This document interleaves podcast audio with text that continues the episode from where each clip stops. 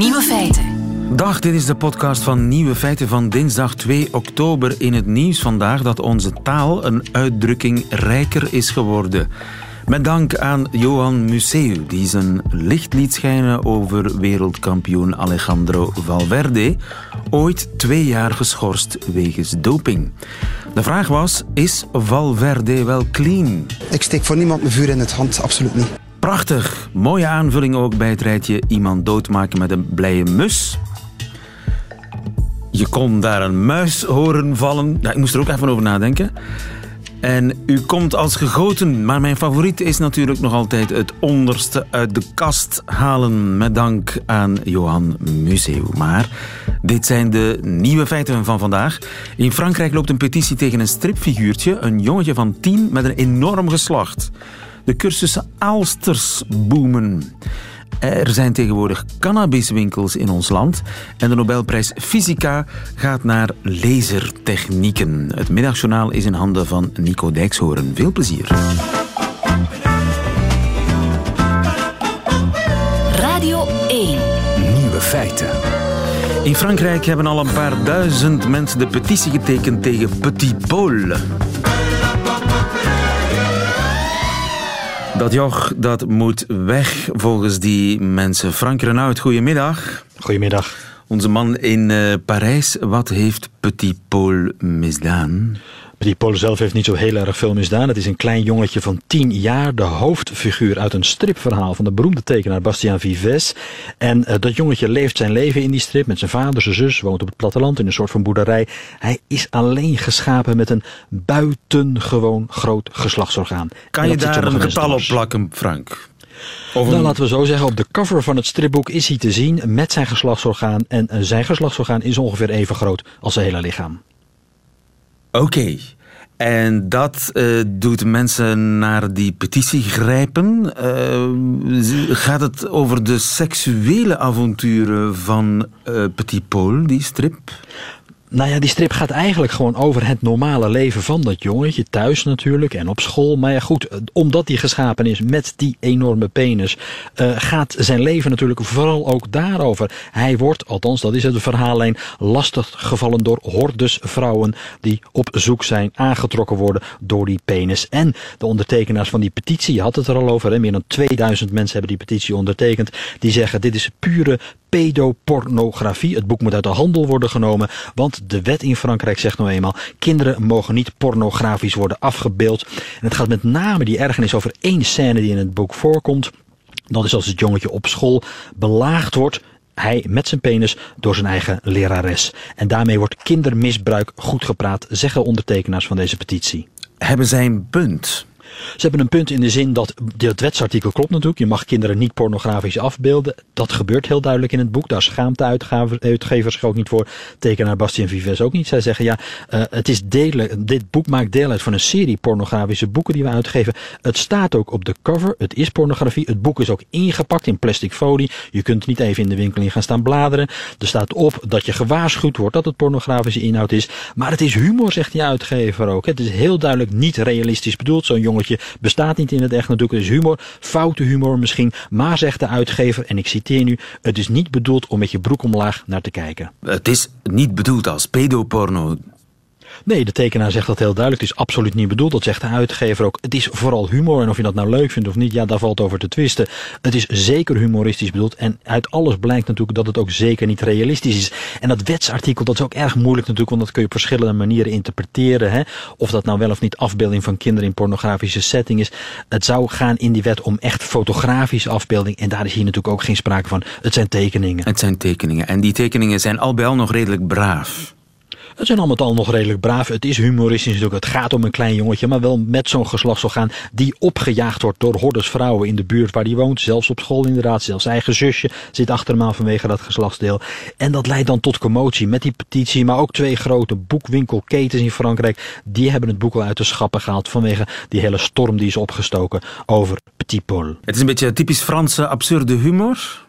Het is uh, misschien absurde Franse humor. Het is zeker ook uh, in strips, in Franse strips. Nou ja, goed, in België weten we het ook. Komt vaak erotiek, lichte porno terug. En dat zie je ook in dit boek natuurlijk. Hè? En zal Petit Paul verdwijnen volgens jou?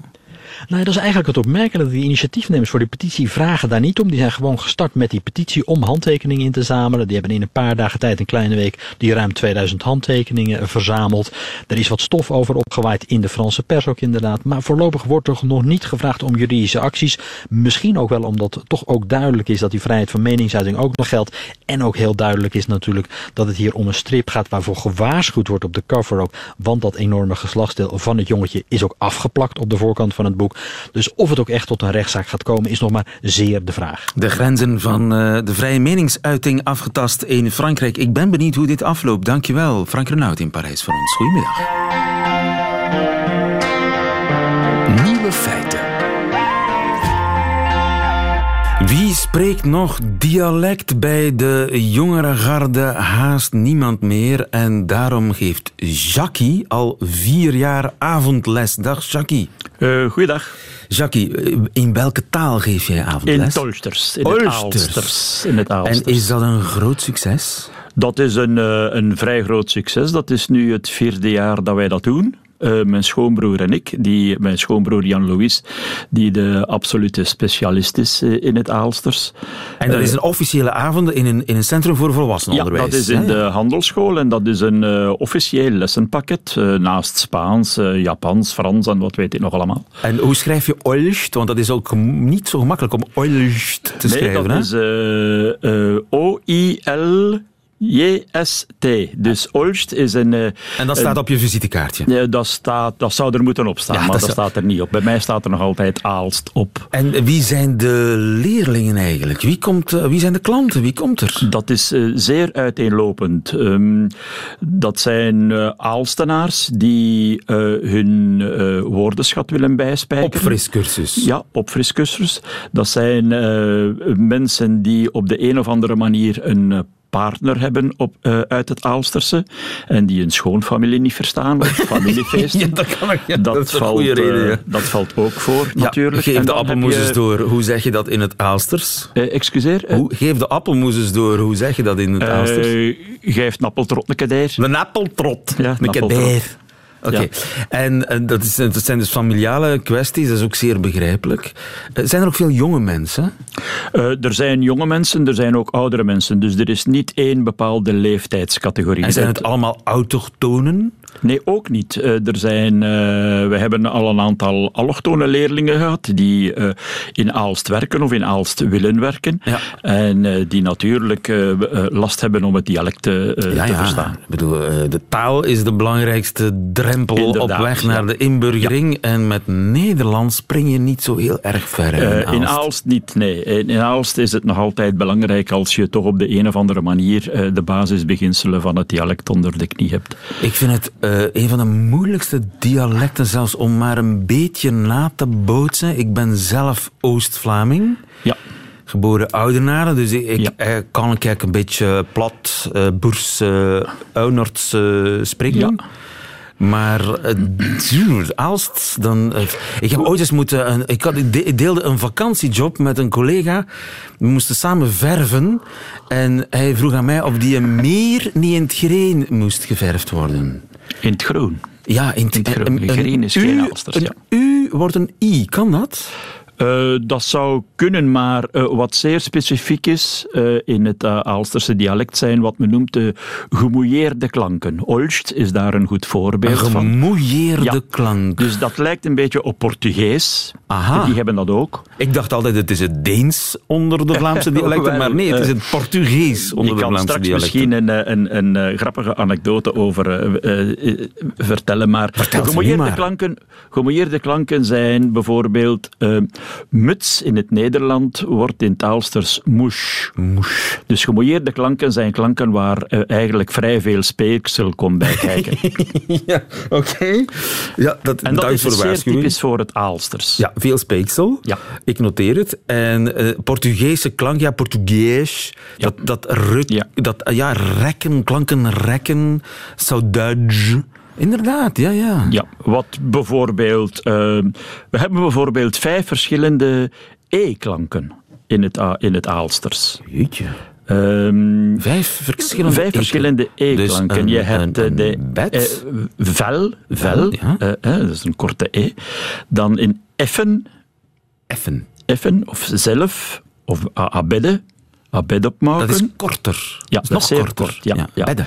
Dan heb je de eiklank, bijvoorbeeld een berk wordt berk, Berk. werk wordt werk, Werk. eh, sterven wordt sterven. Sterven. Ja.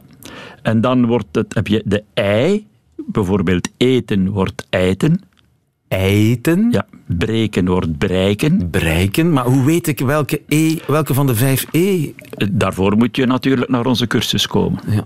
Als, je het niet, eh, als je het niet weet, eh, anders, ja, natuurlijk, dialect krijg je ingegeten, in, ingelepeld met, eh, met, vanuit de jeugd, van op straat te spelen en wat weet ik nog allemaal. Dus het, het zou vrij pretentieus zijn van onze kant om te zeggen dat wij in ons lessenpakket, die, die twaalf lessen van drie uur uitmaken, dat je daar Aalsters kan leren. Dus het is een basispakket, ik neem aan een klein beetje vocabulaire. Zijn er zo typisch Aalsterse woorden die niemand anders begrijpt? Ja, natuurlijk. Wij hebben eh, juist het eh Groot Aalsters dicté achter de rug. En in Aalst loopt nu momenteel een, eh, een wedstrijd om het mooiste Aalsterse woord te kiezen. En wat zijn En, de eh, kandidaatwoorden? De kandidaten zijn, ik weet niet of, of ik ze alle tien van buiten ken, maar appendicit, appendicitslashen is daar zeker bij. Appendicitslashen. Ja, appendicitslashen. En wat, Eh, dat appendicit, zijn- is appendix, dat zijn van die geruite pantoffels die je normaal koopt als je, naar, als je een medische ingreep moet ondergaan. Appendicitslashen. Ja. En slashen zijn sletsen. Ja. Ja. Sloeven. Eh, een ander mooi woord zijn iekenissen. Dat is eh, Aalsters voor lies. Lies. Lies, hè, Dus de, de, de wat er in, de- liesstreek. in de schoot zich Ja, ergens... voilà. Ja, dat zijn, eh, Iekenissen. En ja. is, is dat, eh, zit daar een etymologische verklaring eh, achter? Oh, ik, misschien wel, maar ik, ik ken ze niet. Eh, misschien wel, maar ik ken ze niet. Ik kan mijn fantasie daar eens op loslaten. Ja, Ja. prachtig woord. Iekenissen, appendicitslashen. Eh, een ander mooi woord is vleeramoes, voor vleermuis. Vlerenmois. Ja. En dan zeer typisch voor Aalst is de konker. De, konker, konker. is een viaduct. De konker. Ja, de konker. Ja. Koker hoor ik daar een beetje in? Ja. Ik hoor dat, is, is, Ja, heeft het daarmee te ja. maken nu? Nee, we, weten niet waar het vandaan komt. Eh, we- we- we- wel, er zijn een paar, eh, er zijn een paar eh, mogelijkheden, maar bijvoorbeeld Daans, uh. Daans, gebruikte dat zeer veel in zijn, eh, in zijn artikels. de konker. Ja, het viaduct. ja, ja, De konker van Vilvoorde. onder andere. Ja, maar, Zij- ehm, Ja? ja. En, en, en ik, ik heb altijd ook tanden. Ik hoor veel tan- tanden. Tan- heel veel tanden. Vocht en eh, tanden. maar Speeksel? dat is natuurlijk eh, eh, het, wat, is, wat zeer specifiek is voor eh, het Aalsterse dialect. Is, eh, het is eigenlijk een Brabants dialect. Aalsters is een Brabants dialect dat zich situeert in Oost-Vlaanderen. Eh, een, een duizend jaar geleden eh, was er een, eh, een continue strijd tussen het Duitse keizerrijk en het Franse koninkrijk. En op een gegeven moment is eh, de streek van Aalst, die toen bij het Duitse keizerrijk hoorde en eh, bij Brabant was, vandaar het Brabants dialect, is bij, eh, is bij Vlaanderen terechtgekomen. En daarom is, het, is Aalst zo zeer specifiek. Het Aalsterse is, is zeer specifiek, is het een is echt zeer een specifiek dialect. Dialect-eilandje, als het ware. Inderdaad, ja. Hoe zeg Ja. je bedankt en tot ziens? Eh, bedankt en de eerste het. Bedankt de, ne eh, de neerste... De eerste het. De, De, neerst- naast, de naastigheid. Ja. Naastigheid, dat is een prachtig Bedankt woord. en de eerste het. Jackie, mag ik jou ook heel veel neerstigheid wensen? Eh, dank u En, wel. en, en zeer erg danken voor dit gesprek. Radio 1. Radio. Radio 1. Nieuwe feiten.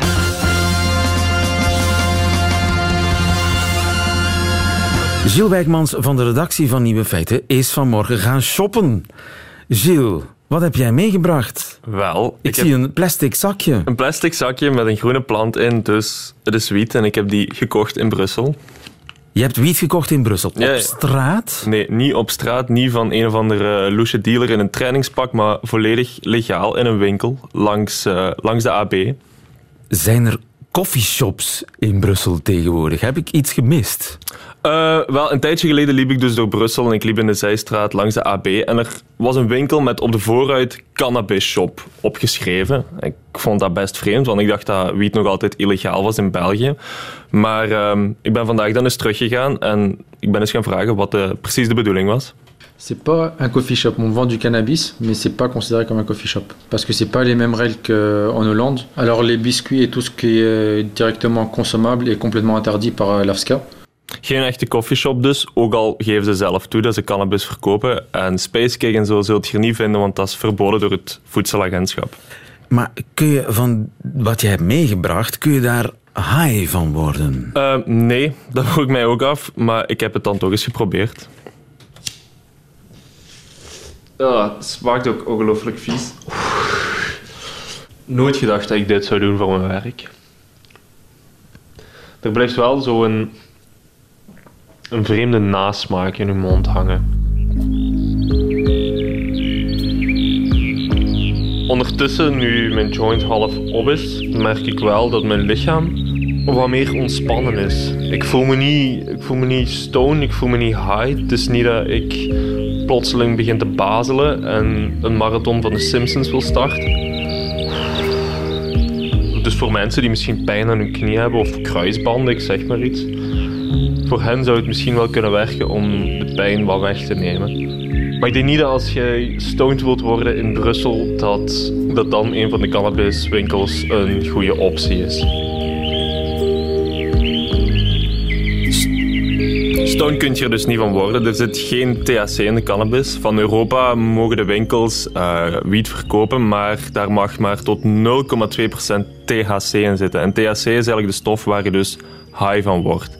Maar... Het is eigenlijk een soort DK een beetje een DK, DK eigenlijk. DK-wiet. Ja, want er zit wel CBD in. En in tegenstelling tot THC, die inwerkt op je brein, zorgt CDB er eigenlijk voor dat je lichaam meer ontspant. Een beetje gelijk een, eh, een spier ontspannen. Dus. Nou, ik heb ooit eh, in, over de grens, in Sas van Gent, voor een vriendin die kanker had, spacecake gekocht, mhm. illegaal. En zij beweerde, uh, God hebben haar ziel, dat zij daardoor een half uur geen pijn had toen ze dat op had. Ja, dus en dat was ook heel raar, want ik voelde dus wel dat mijn lichaam ontspande en het effect duurde inderdaad zo een half uurtje of zo. En er zijn ook heel veel mensen die net pleiten om uh, wiet gelijk deze, waar je dus niet stoond van wordt, om te legaliseren voor epilepsiepatiënten of kankerpatiënten. En, en, en het is dus allemaal, je hebt niks illegaals gedaan. Mm, daar twijfel ik nog wat over. Eh, de cannabis met THC is dus illegaal in België. Deze cannabis ehm, zou wel legaal zijn, al hebben ze daar een vreemd achterpoortje voor gevonden. Et si on vend ça vraiment comme des fleurs d'ornement, euh, on peut le vendre si on déconseille de le consommer et de le fumer. Et si on ne parle pas des effets du CBD. Hè? Hein? Ja, ze moeten het verkopen als een decoratieve plant. Het ligt hier voor ons. Ik weet niet, lief, of jij dit nu in uw appartement zou willen leggen.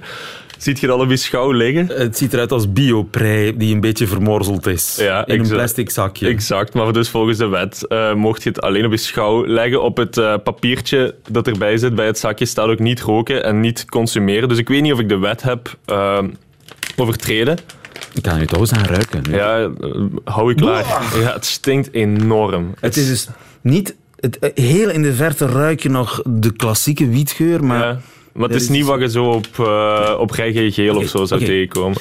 Maar dus zij eh, bewandelen een grijze zone door het als sierplant te verkopen, terwijl iedereen natuurlijk weet dat je dat niet als sierplant... Ja, eh, en ik heb dan ook... Eh, ja, ik vroeg dan aan die man van, word ik hier nu high van? En hij zei van, ja, nee, ik mag eigenlijk niet zeggen wat de effecten ervan zijn. Ook al... Dat mag niet. Nee, dat mag niet, want als je zegt wat de effecten van CBD zijn, dan valt het onder geneesmiddelen en dan moeten er heel andere vergunningen en heel andere vergunningen zijn en dan is de wetgeving plotseling ook veel strenger. Maar wat vindt de politie hiervan? Het is centrum Brussel, grote straat, eh, de AB en dan een, een soort van cannabisshop. Hebben ze nog geen problemen gehad met de politie? Wel, ik heb het hen gevraagd en het antwoord was best verrassend. Aucun problème avec eux du moment qu'on. Parce qu'ils sont là pour faire respecter la loi. Vu que je respecte la loi, aucun problème avec eux. Et j'ai même des policiers clients. De politie zijn gewoon hun favoriete klanten. En is dit het enige winkeltje in Brussel of in België? Nee, dus er is één in, eh, in het centrum van Brussel, er is er één in Ukkel, er is er ook één in Elsene. En dan zei de eigenaar van deze winkel in het centrum van Brussel dat er nog andere waren in eh, België. Oké, dus er zijn een soort van coffeeshops die mm, geen coffeeshops zijn waar je spullen kunt kopen waar je niet high van wordt. Ja, inderdaad. Er zijn coffeeshops die wiet verkopen waar je niet high van wordt en die op je schouw kunt zetten. Kan oh, Dankjewel, Gilles. Radio, Radio 1 Nieuwe feiten intussen is het gebeurd. In uh, Stockholm zijn ze eruit geraakt. Ze weten wie de Nobelprijs Fysica dit jaar wint. Kungliga Vetenskapsakademien har idag beslutat att utdela 2018 års Nobelpris i fysik för banbrytande uppfinningar inom laserfysik. Laserfysik? Med ena hälften till Arthur Ashkin för den optiska pincetten och dess tillämpning på biologiska system. Och med den andra hälften gemensamt till Gerard Moreau och Donna Strickland för deras metod att alstra högintensiva ultrakorta optiska pulser. Optische pulser, dus het heeft met lasertechnieken en optische pulsen te maken. De Nobelprijs Fysica dit jaar wordt gedeeld enerzijds door een Amerikaan, Arthur Ashkin, en anderzijds door een Frans-Canadees duo, Gérard Mourou en Donna Strickland. Dag Dirk van Dijk, goedemiddag. Goeiedag, leven. Professor fysica in Antwerpen. Uh, een vrouw, Donna Strickland, dat is uh, voor de Nobelprijs Fysica, is dat een zeldzaamheid? Het is een tijd geleden toch. Het is nog gebeurd hoor, maar het is toch een tijdje geleden. Hè? Maar zelfs een van de allereerste. Hè? Uh, in Frankrijk toen. Hè? Ik ben eventjes aan het denken. Maakt niet zoveel uit, maar in ieder geval... Het... Curie, maar Madame Curie ah, ja, was, ook, Marie Curie, een fysicus. Ja. was een van de eerste fysici die een Nobelprijs gekregen had. En dan later haar dochter ook voor de gevende scheikunde. Maar Madame Curie heeft er ook een gekregen voor fysica. Ja. Oké. Okay. Ik heb er niet veel van begrepen. Optisch pincet heb ik uh, gehoord. Optisch pincet en, en laser... Laser... Uh... laser.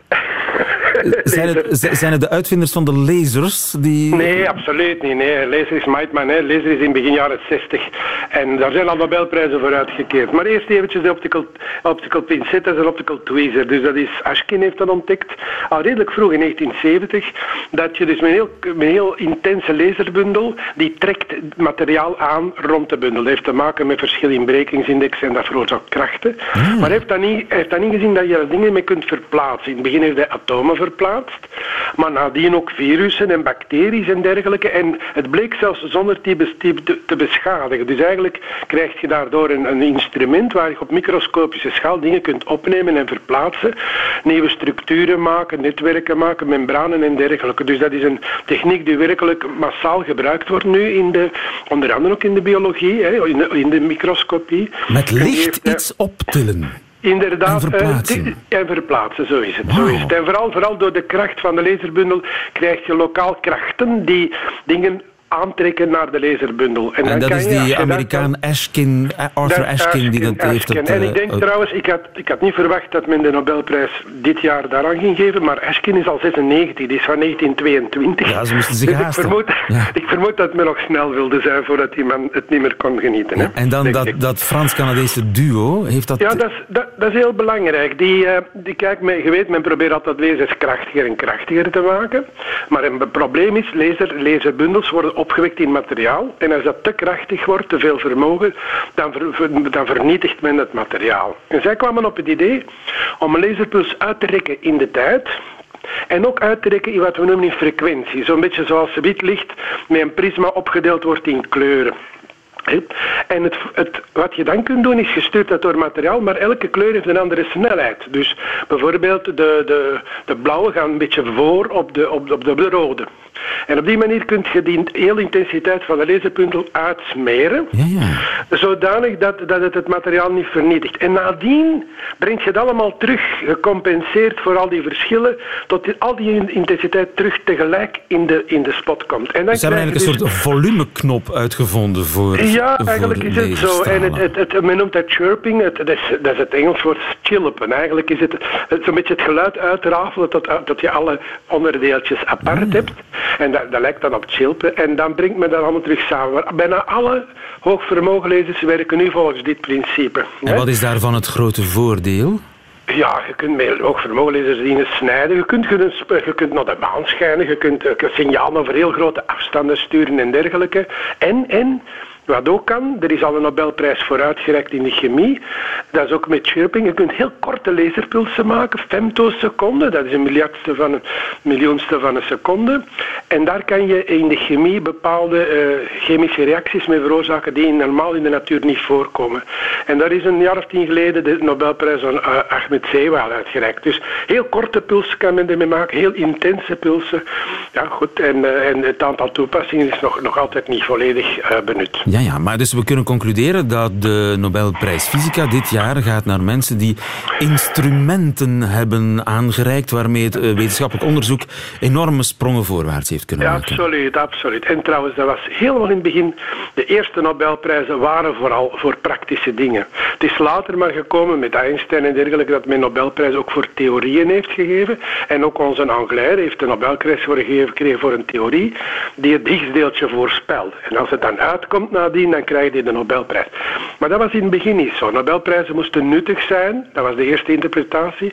Einstein kreeg hem zelfs niet in 1919. Hij heeft nog drie jaar langer moeten wachten. Omdat hij hem dan gekregen heeft voor theorie. Zie je? Dus uh, ja. En nu zijn het dus terug weer instrumenten. Maar dat, dat wisselt hoor. Ik had eerder gedacht dat de Nobelprijs ging gaan naar kwantuminformatica, quantumcomputing en dergelijke. Uh, zuilingen en aspect. Maar uiteindelijk, uh, goed, Ashkin, ja, die man is al 96. Hij, hij verdient het. Hij verdient. En nog toch even zeggen, die, die Donna Strickland heeft dat gemaakt. dat, dat werk voor haar doctoraatsthesis. Hè. Om maar te zeggen, jonge mensen kunnen in de vroege fase van hun carrière prachtige dingen ontwikkelen. Die dan heel belangrijk worden. Dat was haar doctoraatswerk. Die moet, maar, die moet maar een beetje in de twintig jaar geweest zijn. Toen. Ja. Een doctoraat krijgen, een Nobelprijs krijgen voor je doctoraat, dat is Donna Strickland overkomen. Dankjewel Dirk van Dijk, helemaal helder. Goedemiddag. Dag, Nieuwe feiten. Beste luisteraars. Ik zag deze week op de televisie een kooigevecht. En dat is net zo eng als het klinkt. Het is een kooi met twee mannen erin. En die mannen die vechten met blote vuisten tot de ander bloed in zijn baard heeft. Dat is geloof ik een regel dat je een hele rare baard moet hebben als je in een kooi vecht. Hoewel ik zat te schreeuwen van angst bij iedere vuist die op een oog landde, bleef ik toch kijken. Maar waarom? Waar zat nou voor mij de aantrekkingskracht? En ik denk dat ik dat nu weet. Kooigevechten, die lijken op schoolpleingevechten. En dat waren gevechten die soms anderhalf uur lang duurden. Zo ging het op een schoolplein. Je stond aan het zadel van de nieuwe fiets van Marianne te voelen. Of je keek naar juffrouw Vermalen, die een keer had gezegd dat je heel mooi kon tekenen. En opeens was er geluid. Het geluid van een schoolpleingevecht. Ikzelf heb nog nooit gevochten. Ik heb ook nog nooit een gevecht zien ontstaan. Ook op het schoolplein was ik altijd net te laat. Ik kwam er pas achter wanneer er een grote kring klasgenoten om de twee vechtende jongens heen stond. Als ik aankwam lopen, dan lagen ze al roerloos op straat met de armen om elkaars nek. Twee parende schildpadden, daar leek het op. Wat mij nu erg ontroert, is dat je eigenlijk nooit wist waarom er werd gevochten. Het gebeurde gewoon opeens. Die twee jongens die lagen zwijgend op de grond in een eeuwige omhelzing en wij stonden eromheen, doodstil. Wat het heel spannend maakte waren de plotselinge bewegingen. Jongetjes die vechten net als vissen. Het ene moment hangen ze nog zogenaamd moe gestreden in je armen en een seconde later veranderen vissen opeens in woestbewegende wezens die hun enge kop tegen je wang willen drukken. Die jongens deden dat ook. Heel even bewogen ze heel wild en heel raar. En daarna lagen ze weer 25 minuten lang in dezelfde positie met hun voorhoofd op een stoeptegel.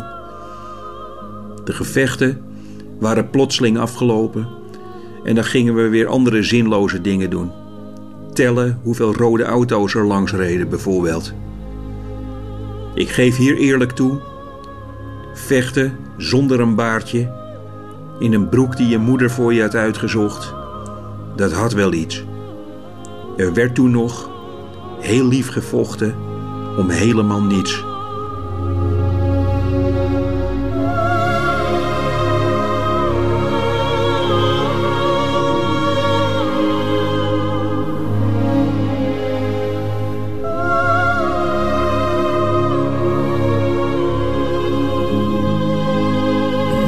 In een nostalgische bui meteen het einde van deze podcast. Maar u vindt er nog veel meer op radio1.be en op de gebruikelijke podcastkanalen.